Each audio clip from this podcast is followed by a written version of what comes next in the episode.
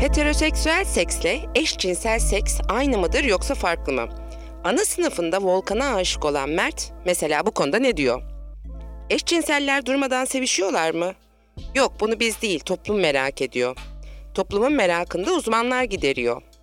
Lezbiyenlik erkek eşcinselliğine göre neden daha çok kabul görüyor peki? Ya da kadınlar menopoza girince seks hayatları da bitiyor mu? Hemen söyleyelim hayır. Çünküsünü doktorlar açıklıyor. Ölen seksi diriltmenin yolları var mıdır? Hepsini bu podcast'imizde bulacaksınız. Kulağınız bizde, kısa dalgada olsun. Haber podcast'le buluştu. Kısa Dalga Podcast. Birlikte olduğum insanla iki yıl boyunca sevgili oldum.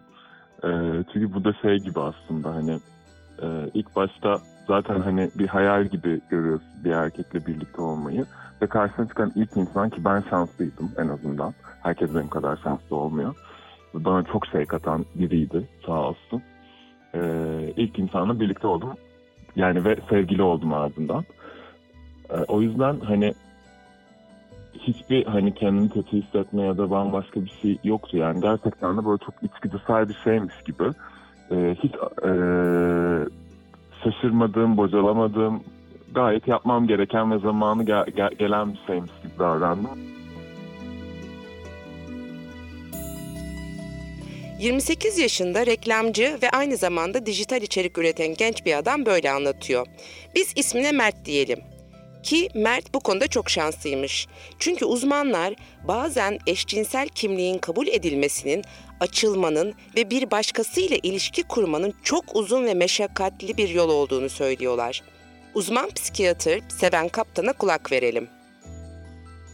Çocukluğundan itibaren bunun kötü bir şey olduğunu e, duyarak büyüyor ve o yasak ama şey değil, hani cazip bir yasak değil kastettiğin oysa daha çok utanç ve suçluluk getiren bir yasak. Kişi kendini kabul sürecinde zorluk yaşıyorsa e, kimliğinin çok doğal bir parçası olan cinselliğini bir şekilde e, akte döktüğünde e, sonrasında çok ciddi bir suçluluk ve utançla or- orayı terk etmek istiyor, oradan çıkmak istiyor ve hani de bir tövbe edebiliyor. Ama sonra bir daha çünkü hani sağlıklı bir yanınız yani kolunuz yokmuş gibi davranamazsınız hani o e, kendi kendi orada çürümeye bırakamazsınız onu. O size zarar verir. E, o yüzden bu yasak hani e, yasak olan şey caziptir gibi böyle hani daha haz verici bir durumda değil maalesef acı verici bir durumda eşcinsellerin e, perspektifinde. O yüzden de bütün eşcinsel ya da LGBTİ'lerin cinsel hayatları Mert'inkiyle aynı olamayabiliyor. Cinsel Eğitim ve Tedavi Derneği'nin eğitmenlerinden ve yönetim kurulu üyesi de olan Doktor Seven Kaptan devam ediyor. Heteroseksüeller kendi cinselliklerini, cinsel yönelimlerini kabul için belli bir e, süreç, e, zihinsel meşguliyet yaşamıyorlar.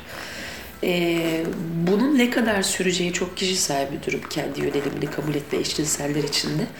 Sonuçta bu hesap daha kısa sürerse evet daha e, heteroseksüel akranları gibi bir cinsellik keşfi yaşanabiliyor. Ama daha uzun sürdüğünde çok uzun süreler yani yıllarca askıya alınmış bir cinsellik orada kalabiliyor.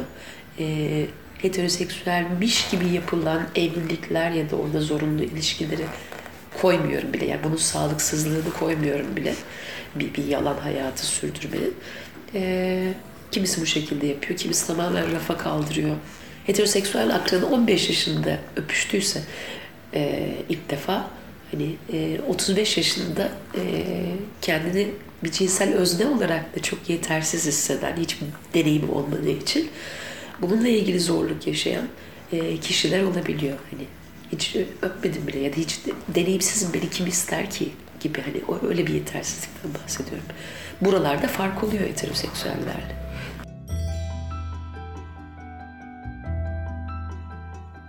Üç podcast'tir devam eden cinselliği nasıl yaşıyoruz sorusunun cevabını ararken birçok defa eşcinselleri atlıyorsunuz ha diye fırça yedik.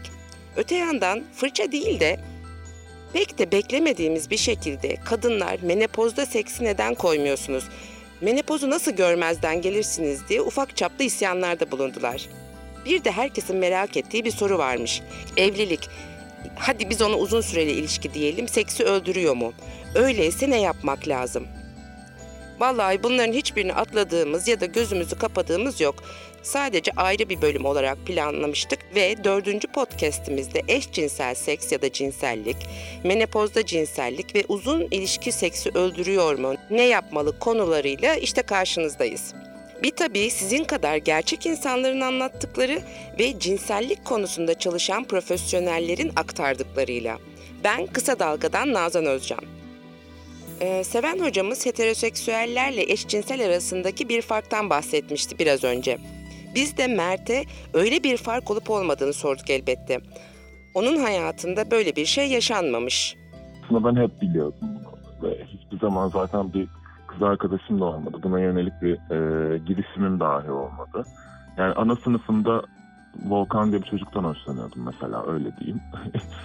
Daha küçük yaşlarda da zaten etkilendiğim birileri vardı ama tabii bunu kabul etmek, e, ben buyum demek lise lise 3 lise 2 lise 3 arasında oldu. Mert bu kısmı kolay atlatmış atlatmasına da bunu bir genelleme olarak söylemek pek mümkün değil. Ki eşcinsellik bu memlekette çok ama çok büyük bir öcü. Şaka değil, istatistiklere bakalım bir.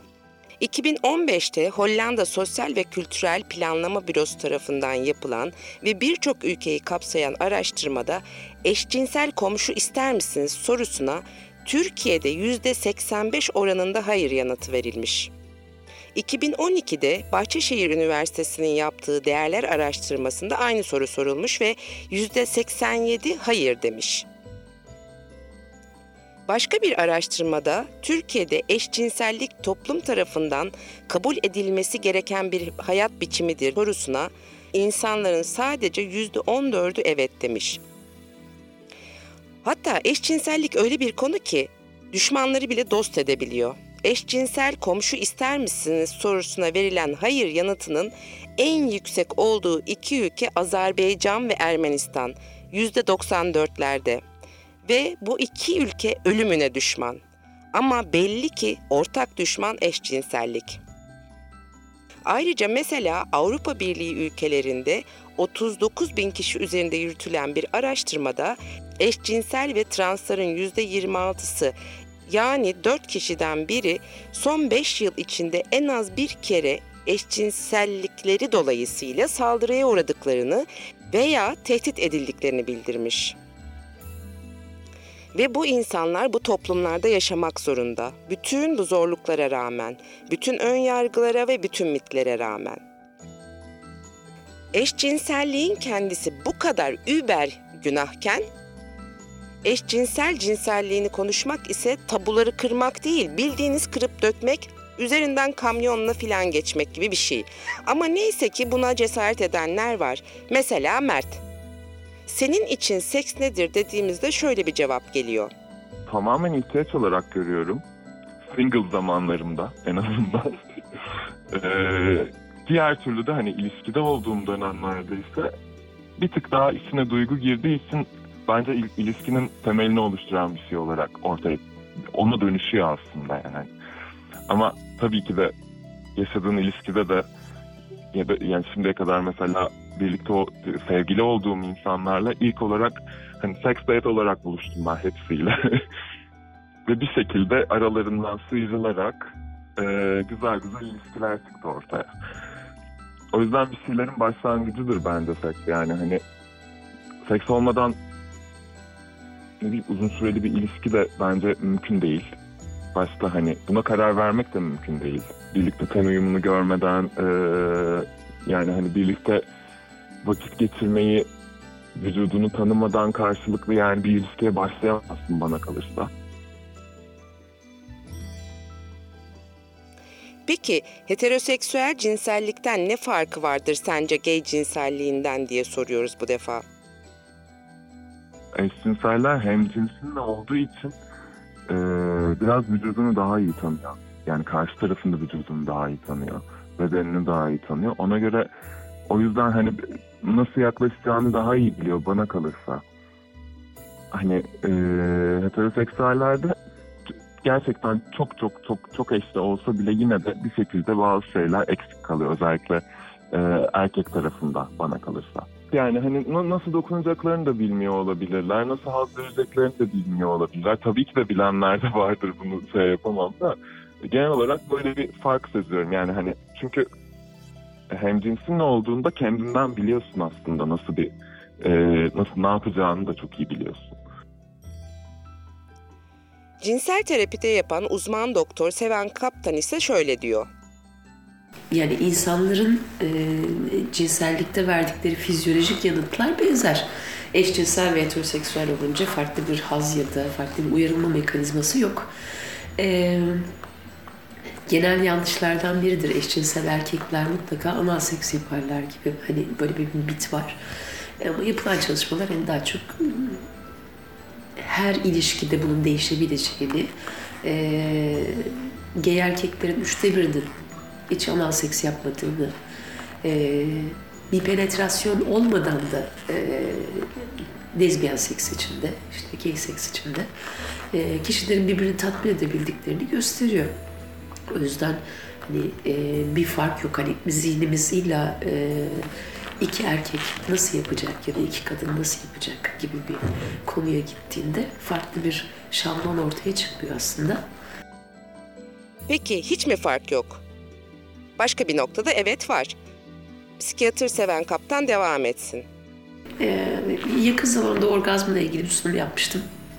Ee, orada birazcık çalışmalara baktım. Ee, heteroseksüel kadınlara göre biseksüel ve eşcinsel kadınların e, orgazm oranı daha yüksek.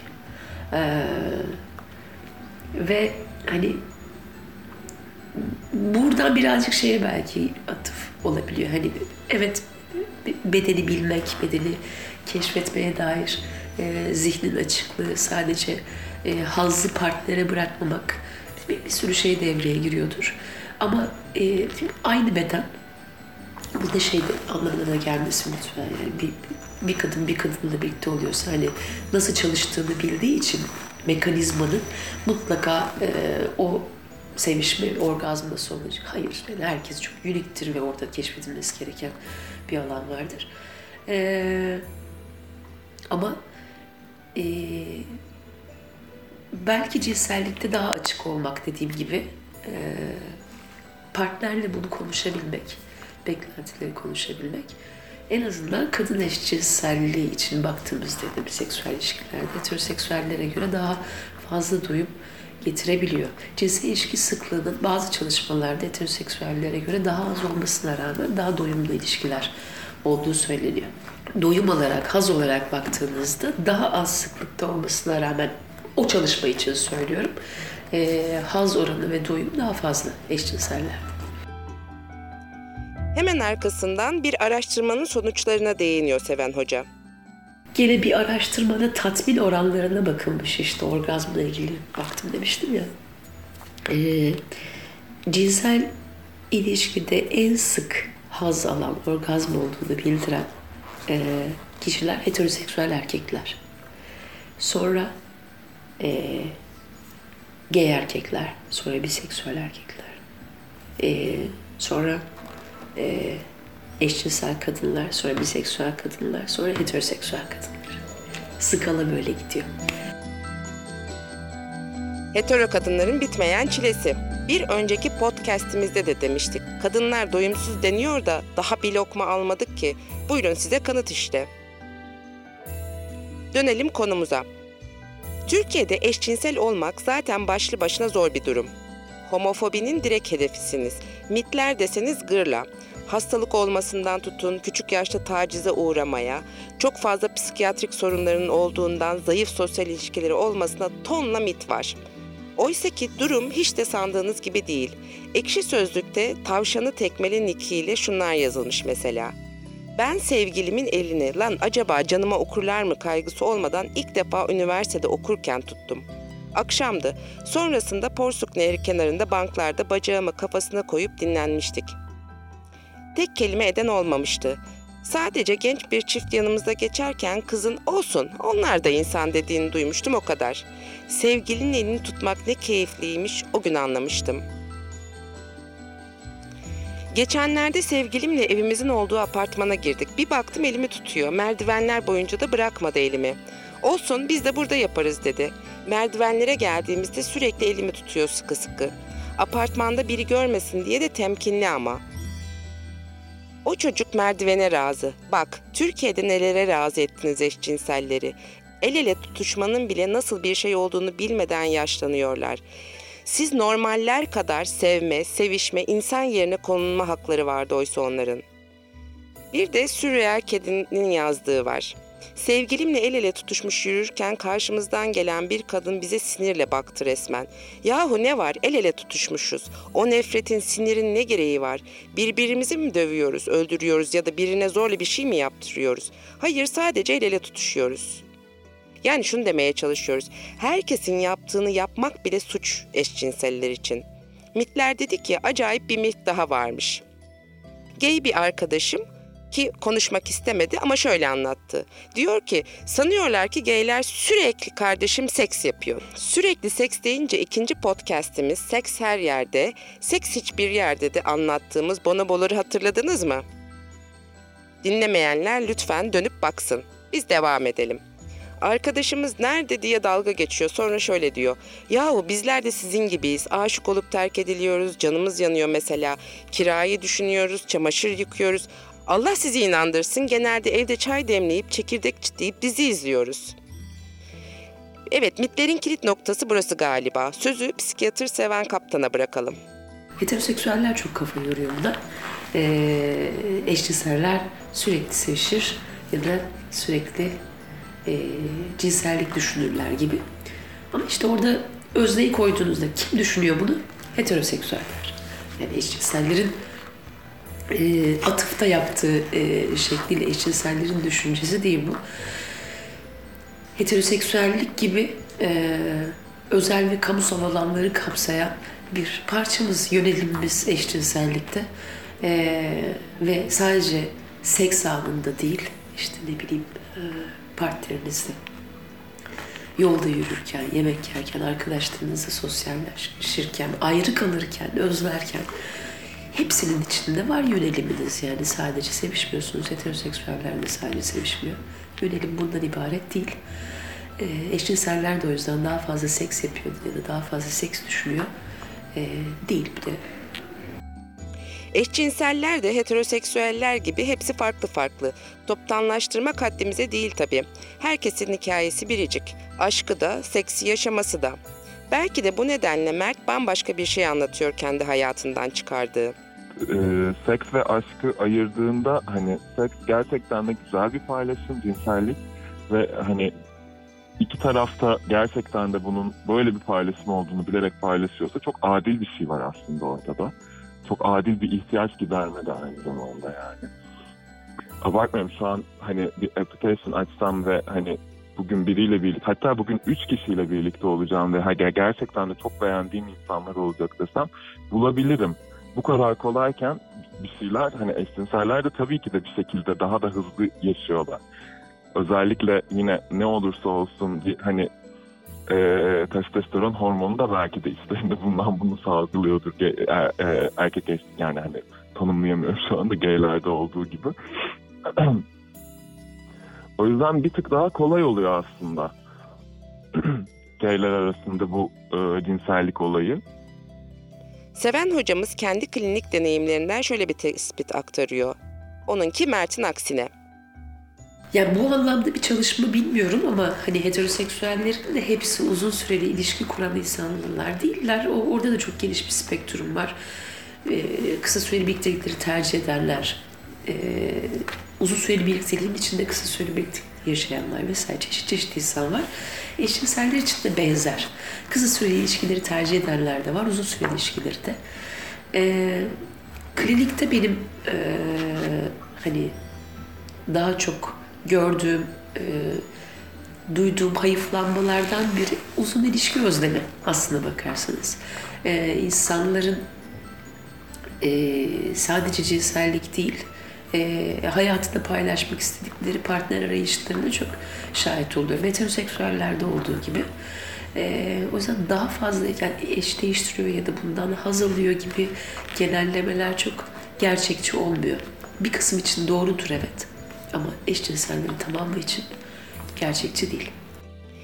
Öte yandan Türkiye gibi muhafazakar toplumların bir sıkıntısı daha var. Eşcinselliğini gizlemek ve mesela bunun için evlilik yapmak gibi. E, klinik açıdan hani e, bana çok sık gelen kişiler olduğunu söyleyemem ama hani zaten bir yalan sürdüğü için orada hani bununla ilgili bir çalışma yapmak da çok mümkün olmuyor.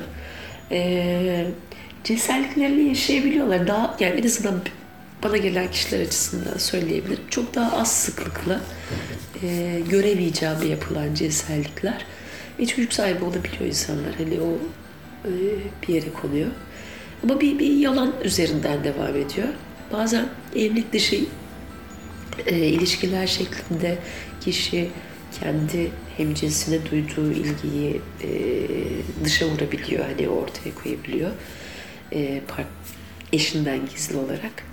E, bu ortaya çıkabiliyor. Bu yüzden evlilik zorlukları olabiliyor. O, o noktalar daha da zor. Çünkü hani iki tarafta bir yalan yaşamış oluyor ve hani e, oradaki parçalanma daha travmatik olabiliyor. E, oran veremeyeceğim ama hiç az değil yani. Burada birkaç yıl önce onur yürüyüşündeki bir pankartı hatırlatmak iyi olacak gibi. Şöyle yazıyordu pankartta.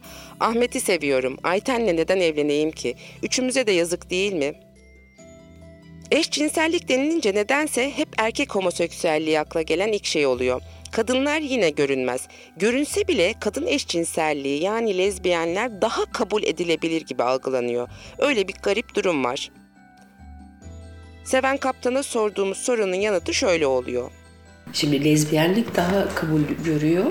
Ee, çünkü hemen hemen tarih boyunca erkek feminenliği sistem ataerkil sistem olduğu için e, daha çok cezalandırılmıştır. E, kendi gücünü sarsmaması adına e, bir erkeğin kendisini karı gibi becertmesi, özellikle söylüyorum bu karı gibi ne kadar aşağılık bir şey, e, o sistemin kaldırabileceği bir şey değil. Lezbiyen sekse görmezden gelmek gibi cinselliğini ya da kimlikleri görmezden gelmek birazcık buradan geliyor. Penis yoksa seks de yok onlar takılsınlar. Hani o benim gücümü sarsmıyor. Hatta benim fantezim olabilir. Hani ben de dahil olabilirim. Gerçek erkeği onlara gösterebilirim gibi gibi gibi. Ee, ciddi alınan bir şey değil. Çünkü sistemin ana e, gücünü sarsacak bir değerde görünmüyor. Bir de tabii lezbiyen seks gay seksten daha zevkli fikri var ki erkeklerin fantazisi resmen. Yani Google öyle diyor. Ama seven hocamız başka bir şey söylüyor. Erkeklikse hani, e, sistemin desteklediği erkeklikte evet heteroseksüel erkek o anlamda kazanıyor. Ama hani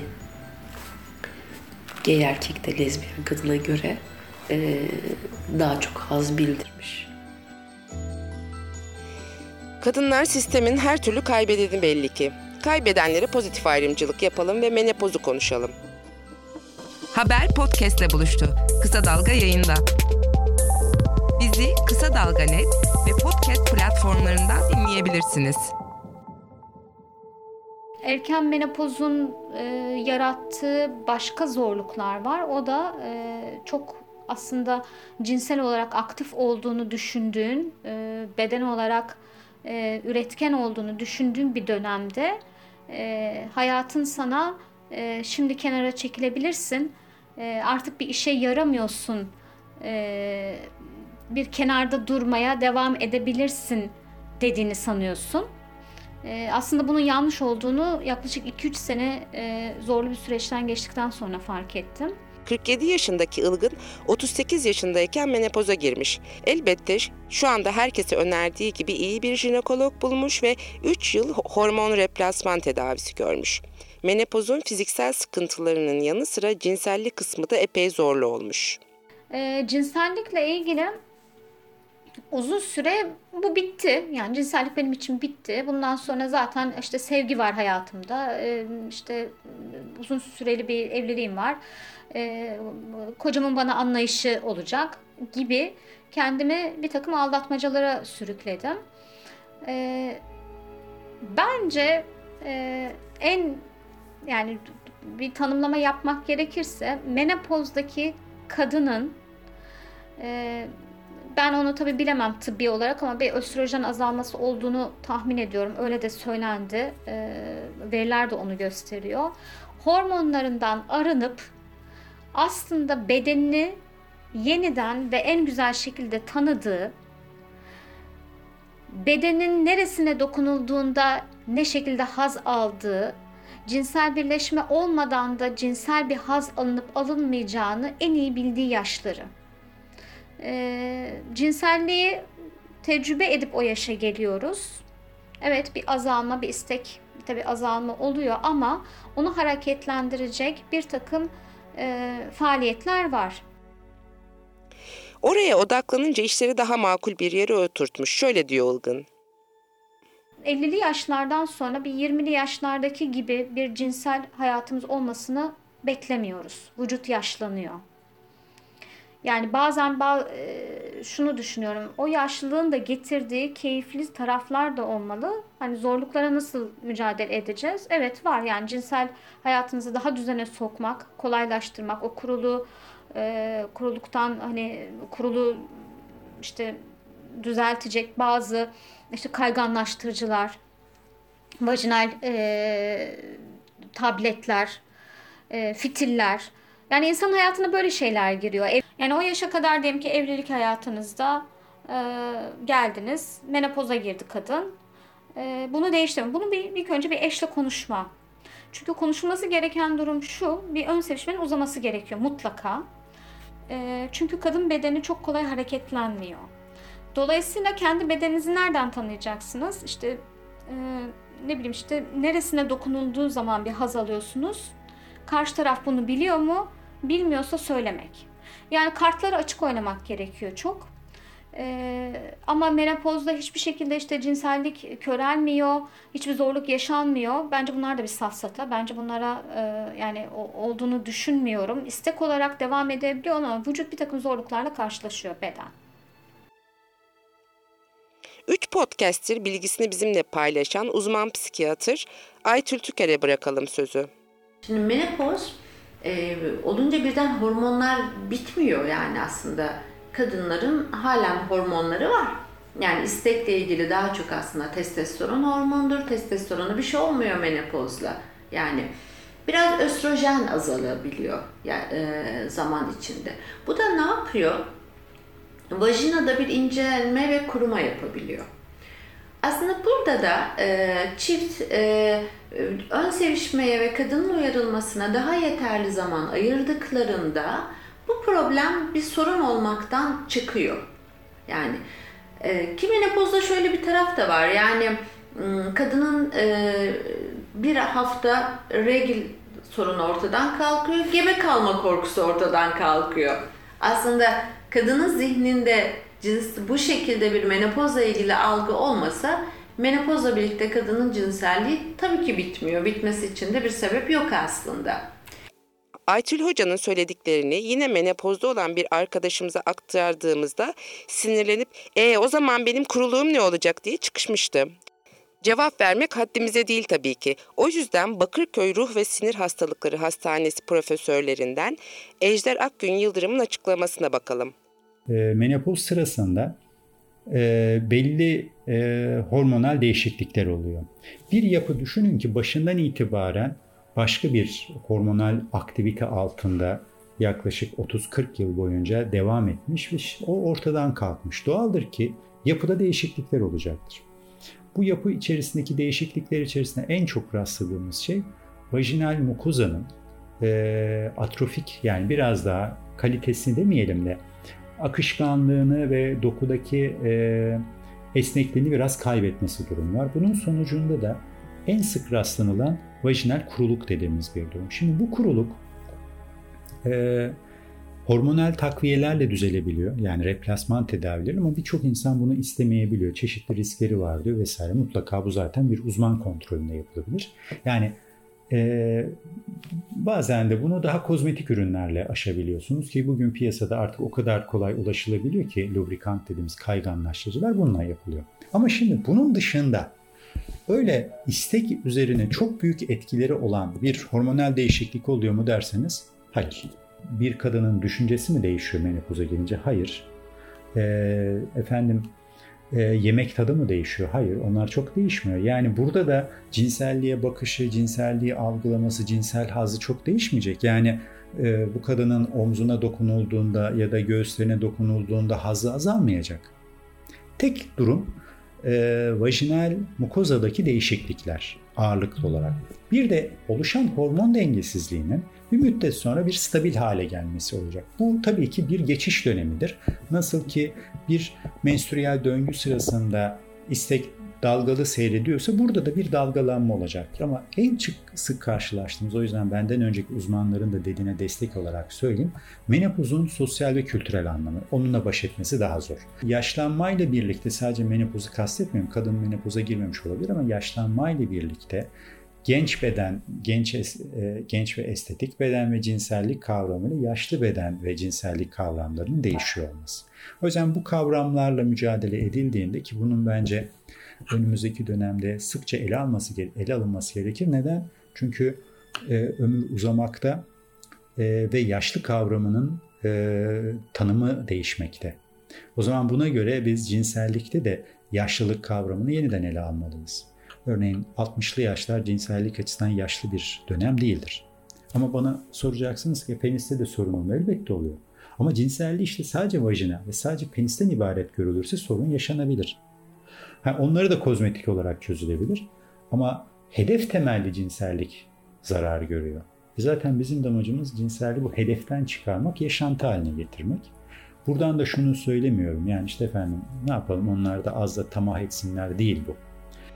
İşte bu nedenle kadınlar ve erkekler için artık bizden geçti, artık yaşlandım düşüncesi ya da toplumun genel kanısı aslında birçok insanın seks hayatını erkenden öldürüyor.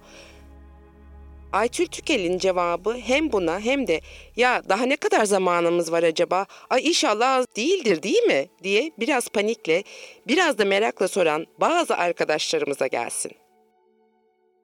Erkekler için daha az bir sorun oluyor bu. Yani e, erkeğin eğer e, bir e, sertleşme ile ilgili bir sorun yaşamıyorsa, e, bir e, uyumlu bir partnerle cinselliği varsa, e, 70 yaşını falan e, cinsellik yaşayan, e, 80 yaşında bile cinsellik yaşayan benim vakam var yani hani bunlar oluyor.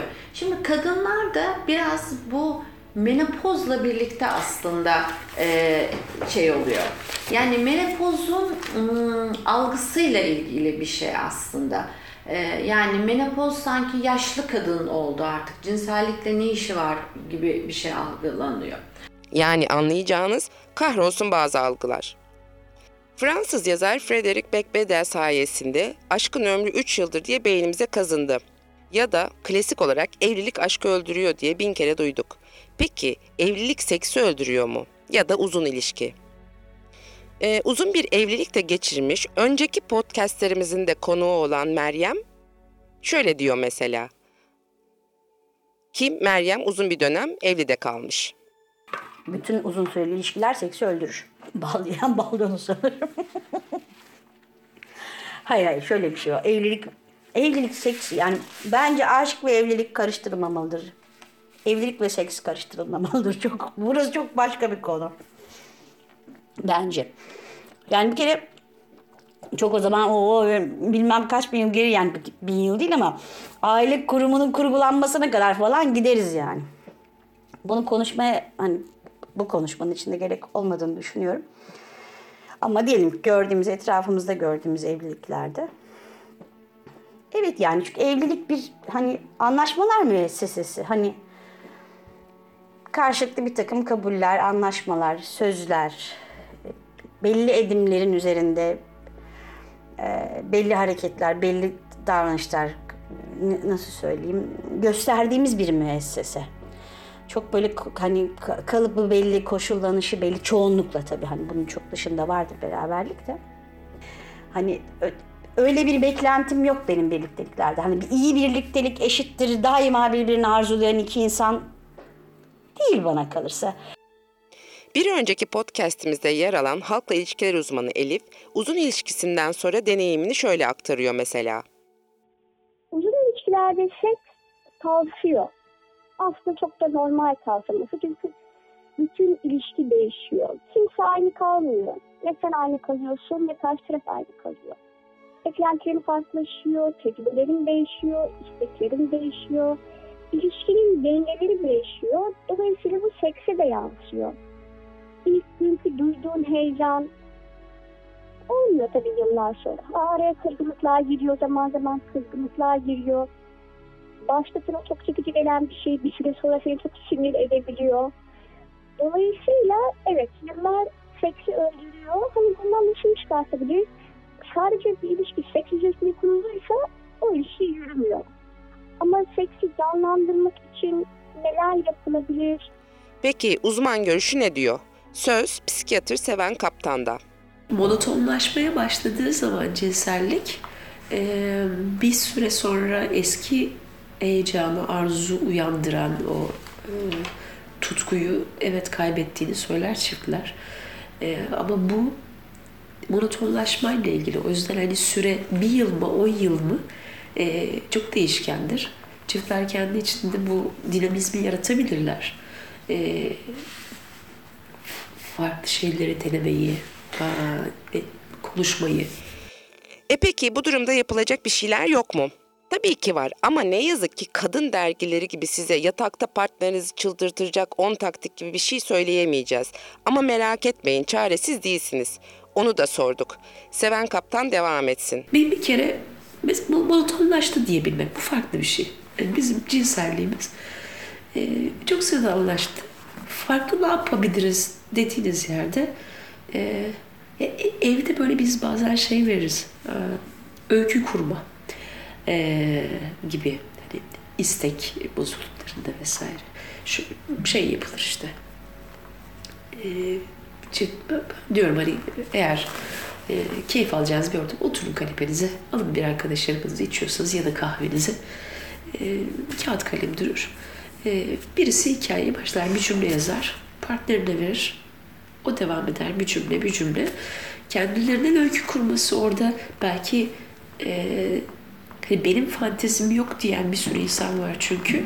E, neyden hoşlandığını keşfetmesine de yardımcı olabiliyor. O kurgu hani hiçbir materyal olmasın pornografi hoşlanmıyorsunuzdur şudur budur kendi zihniniz size o malzemeyi verebilir hani o an partnerimin şunu yapması o fantezide partnerin şunu yapması onu heyecanlandırıyor diye bir cümle yazacak çünkü.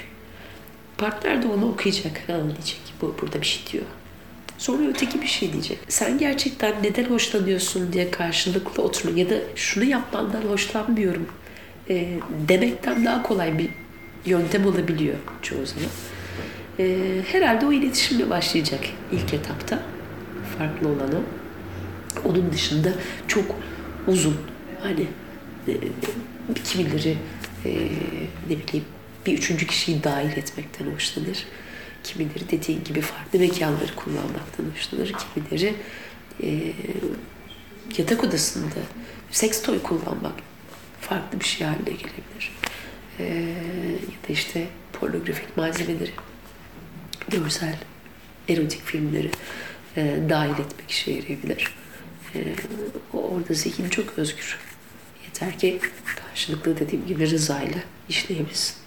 Kısa dalgadan bir ipucu daha. Yok yok. Cinsel terapi uzmanı Seven Kaptan'ın son önerisiyle meseleyi kapatalım.